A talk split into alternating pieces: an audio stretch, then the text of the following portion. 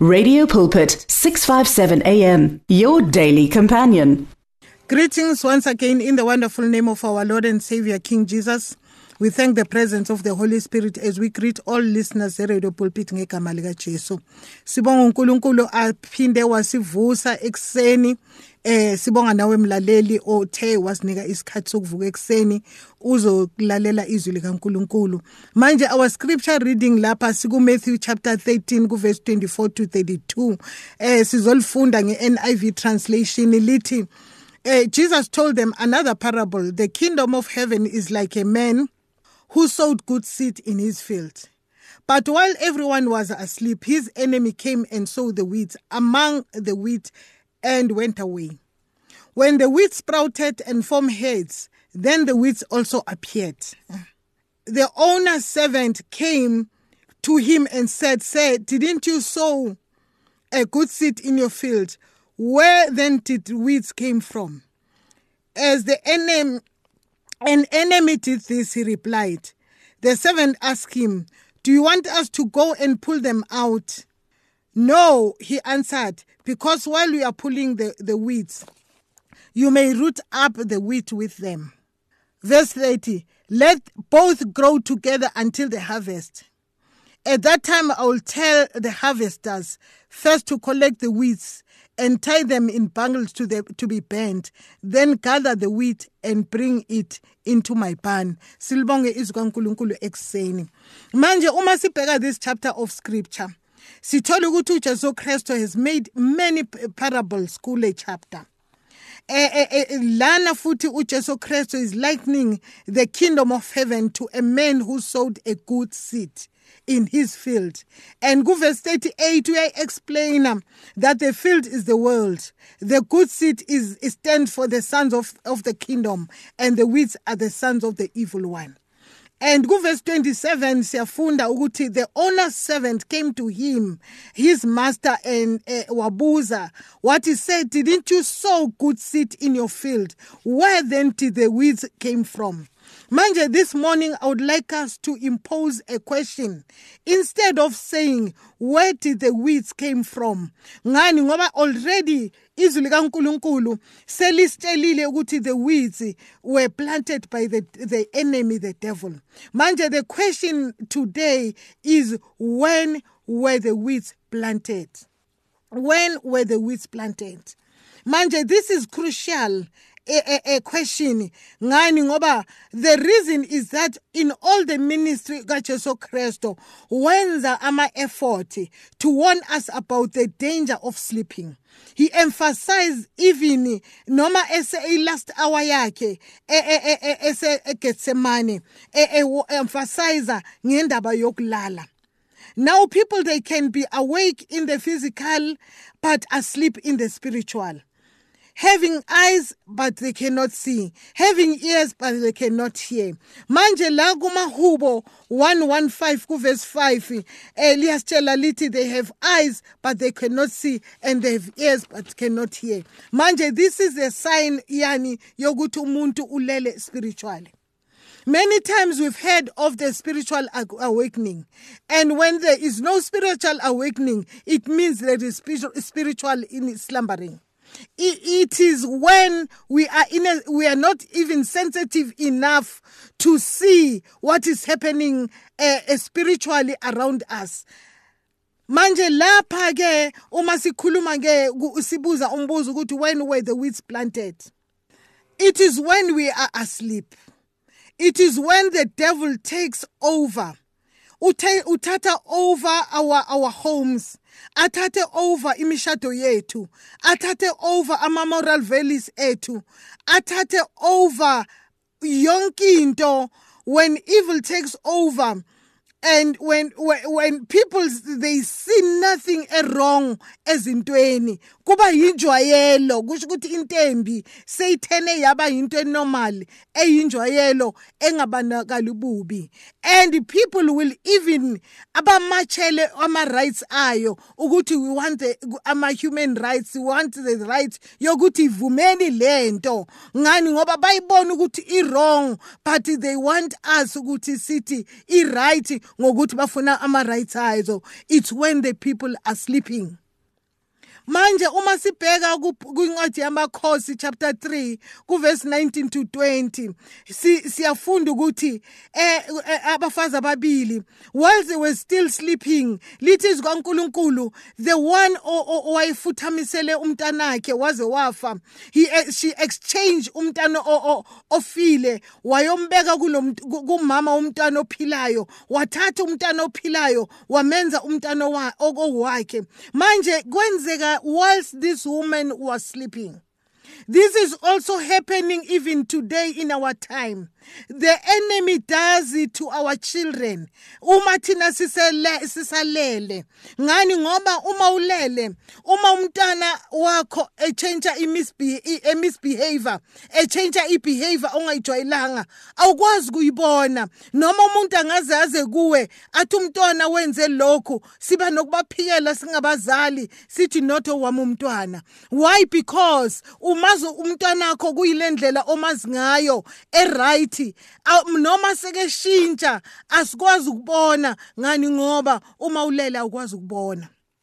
Uthola ukuthi nasesikolweni i-educator iyeza icomplaina ngomntwana ukuthi umntwana ubehave kwenje esikolweni uthi not owami umntwana. Ngani? Ngoba ispirit seslumbering ulele uyakwenza lokhu awuboni. Uchentshile ibehavior asiboni. Yini manje ukuthi silele? Manje isitha ugada isikhathi sokulala ukuthi azokwazi ukufaka izinto zakhe.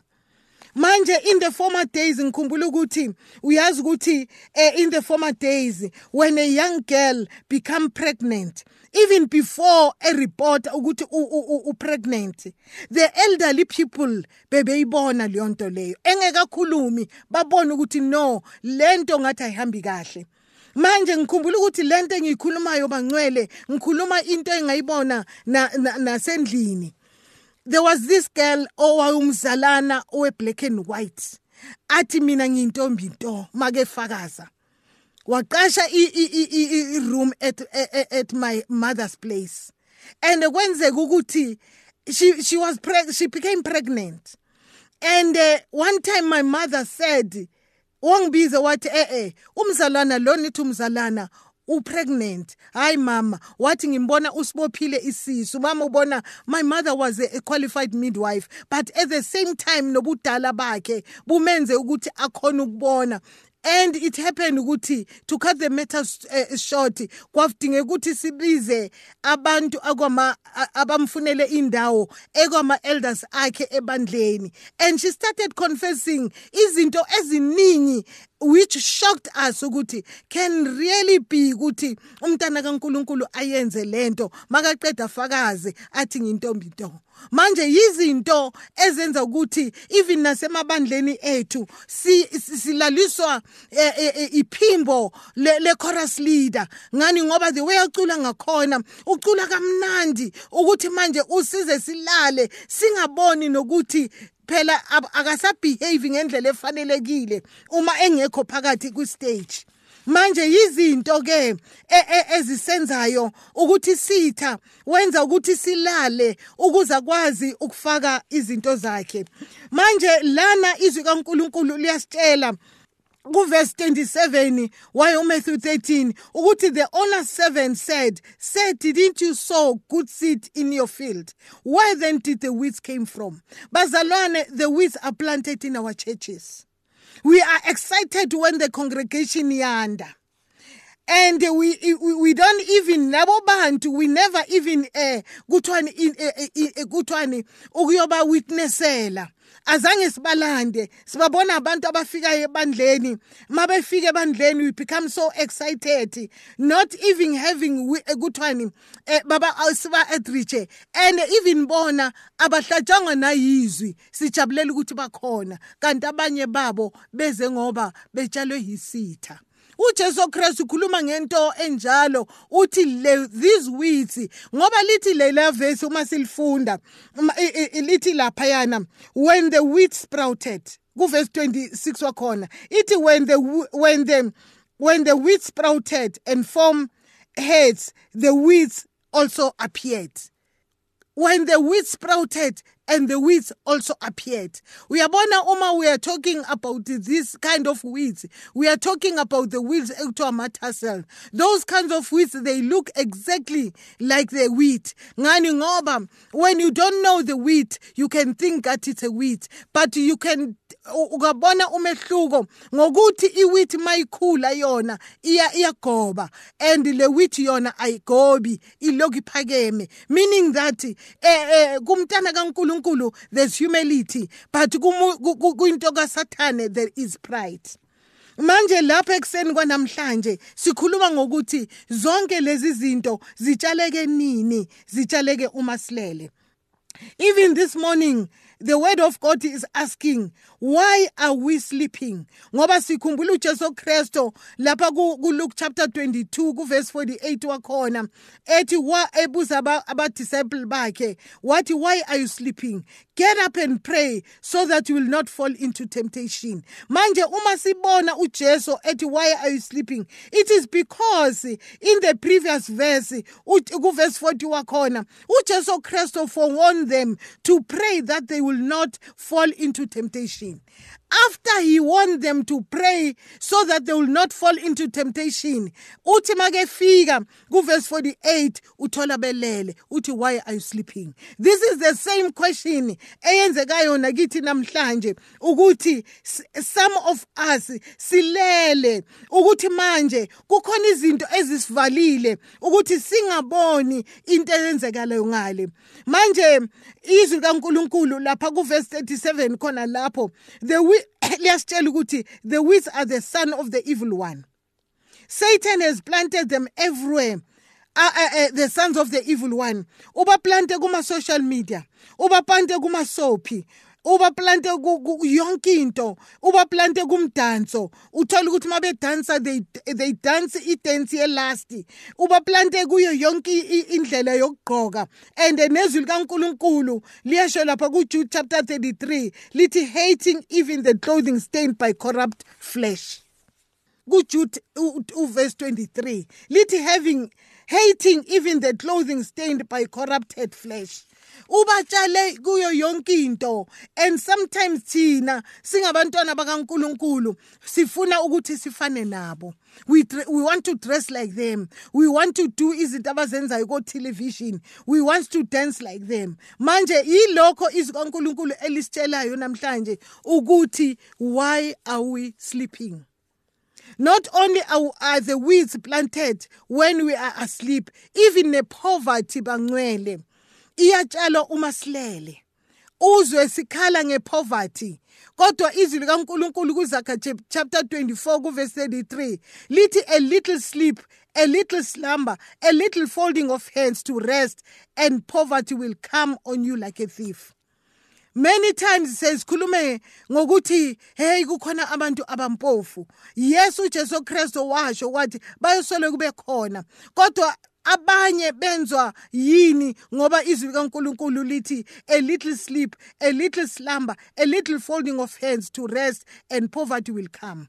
Manje this verse explain you can explain it in many ways but this morning i would like to explain it in this way. Some people are not spiritually awakened to know ukuthi what time is it now. It we are, what is it what is it that a person is supposed to do in that season? Ngani? Ngoba lokho sikubiza ngokuthi it's a missed opportunity. Ngoba there's a season uNkulunkulu ayivezayo and you find ukuthi ulele you can't even see eh isizini uNkulunkulu ayivezile that you are, you, you are asleep to the extent that you miss an opportunity kufana manje nokuthi i-opportunity is to sow a seed ngesikhathi esifanelekile. When the harvest comes uyakwazi ukuyovuna. Many people eh, abatshali ngesikhathi esifanelekile eh, kuthi masikhathi sokuvuna bese bafuna i-harvest bangatholi lutho ngani ngoba azange batshale. Manje eh, ngithanda ukuthi ekuseni kwanamhlanje this is what efika kimina manje ekuseni ngisakhuluma ngalokhu ukuthi ukutshala bangcwele sometimes it happens ukuthi umuntu mhlambe let's talk about now imali. Umuntu ohlala ungenamali njalo umuntu ohlale mhlawumbe ucela ukuliftwa njalo ucela ukuliftwa. But kube nelanga lokuthi ngesinye isikhathi ube nemali. But ngoba ujwayele njalo ukuthi danki noma sowunemali awukwazi ukuthi ngicele ukuthi ngikunike lokhu. Ukwenza lani? Ukuthi mawungenakho manje ukutshala ngesikhathi esifanelekile ukuthi ngesikhathi esifanelekile ukwazi ukuvuna. Manje yizo izinto ezisenza ukuthi sikhulume ngokuthi athi uJesu Kristo why are you sleeping? Ekseni kwanamhlanje siyathola ukuthi even there's a time eh not anytime. Lapho izwi kaNkuluNkulu kubashumayeli chapter 9 kuverse 11 lithi wealth is not for, for, for the brilliant or favor to the learned but time and chance happen to them all. Sometimes siyisithi izinto zizela abantu abathile but izwi kaNkuluNkulu liyasitshela ukuthi wealth is not to the brilliant or favor to the learned but the time and chance happen to them all. uNkulunkulu sinikeze i-chronological time. Sonke isikhathi sethu siyafana but it depends ukuthi wena usebenzisa kanjani. God gives us a, god is a, lithi kaNkuluNkulu uNkulunkulu gives us a seed uh, uh, the seed to the sower and the bread to the eater. Okunye bangcwele ukuthi manje uma sikhuluma ngendaba zokulala ukuthi kukhona abantu ababathi makuyiwa esikolweni a prefer ukudoja isikolo alale. Abanye abantu abanye abantwana benqa imifula. Abanye abantwana bahamba bengenane icathulo ebusika kodwa umntana atshela ukuthi ngiyaphambili egcineni lo mntwana loyo uthola ukuthi uyakhula uba nama skills uyakhula lo mntwana eh uyafunda. Ekugcineni the very person obengafuna ukwenqumfula the very person obengafuna ukwenza lutho elala edoji isikolo ulo muntu kusasa ozothi ugovernment must give me job. Alibali ukuthi yena ngasikhathi abanye abantu benqima ifula ngalesa sikhathi abanye behamba bengenayicathulo ukuya esikolweni bengenalutho. Namhlanje labo bantu mawubabheka sekungabantu abanemisebenzi ephakeme. Ngani? Ngoba azangalale ngesikhathi sokuthi alale. Wasebenza wenza something ngaleso sikhathi. Manje uma sikhuluma ngendaba yokuthi when were the, the weeds planted? Ukuthi manje even the poverty eh uma ulele usathane uyayitshala. Angayitshala usakhula ayitshala ukuthi manje usitshela ukuthi angiyi esikolweni. Angiyi ngoba nginayicathulo angiyi ngoba nginqeka umfula. Ngaleso sikhathi the devil wenza ukuthi ulale. And when you are sleeping kukhona la kuzothi makufanele ukuthi uyovuna ungatholi lutho. Ngoba abanye abenzile ukuthi bakwenze bangalali benze lokho kufanele ukuthi bakwenze. Namhlanje banamapho position athile emisebenzini ethile bese mina ngikhalela ukuthi ugovernment angiphe umsebenzi. Asiphe kuphi umsebenzi esingawufundelanga na? Esize sikhale nokuthi uma kuvela into umsebenzi kumalokishi ethu bathi why baqasha umuntu wangaphandle? And lo muntu ufuna ukuyoqasha ukuyosebenza engena skill salokho izinto mangcwele usathane azitshalayo kithi naseyingqondweni zethu ukuthi silala ubuthongo singaziboni ukuthi izinto ezithi uNkulunkulu makazibheka abone silele.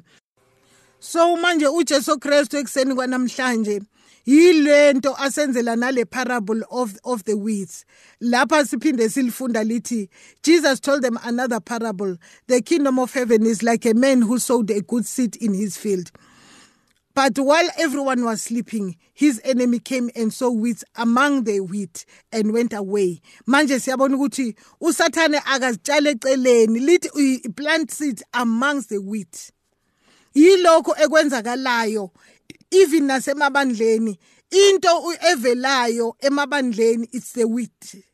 I mean it's the weeds not the wheat. Ukubona abantu bathi hayi wabazalwana benza lokho ayibaveza abantu abahle. Iveza ini bonke laba abatshalwe yisitha. Usathane uyabatshala ukuze aveze bona ukuthi kubonakale bona. Bese abantu bayidelela insindiso bayidebesela insindiso ngenxa yokhula oluvelile. But uJesu Kristo uyasitshela ukuthi ziyeke zikhule zonke. Ngelinye ilanga kuyobonakala umehluko. Thina singange ubona umehluko but ngelinye ilanga even nomzalwane odlalayo nomzalwane ocabangela ukuthi ucashile ozibiza ngokuthi umzalwana ngelinye ilanga kuyovela konke. uNkulunkulu asenze kahle ekseni ukuthi manje ngifuna ukubuza ukuthi wena phakathi kwelezi zinto ezimbili uyini? Are you a wheat or are you a wheat uNkulunkulu asenze kahle ngoJesu Kristu. Amen.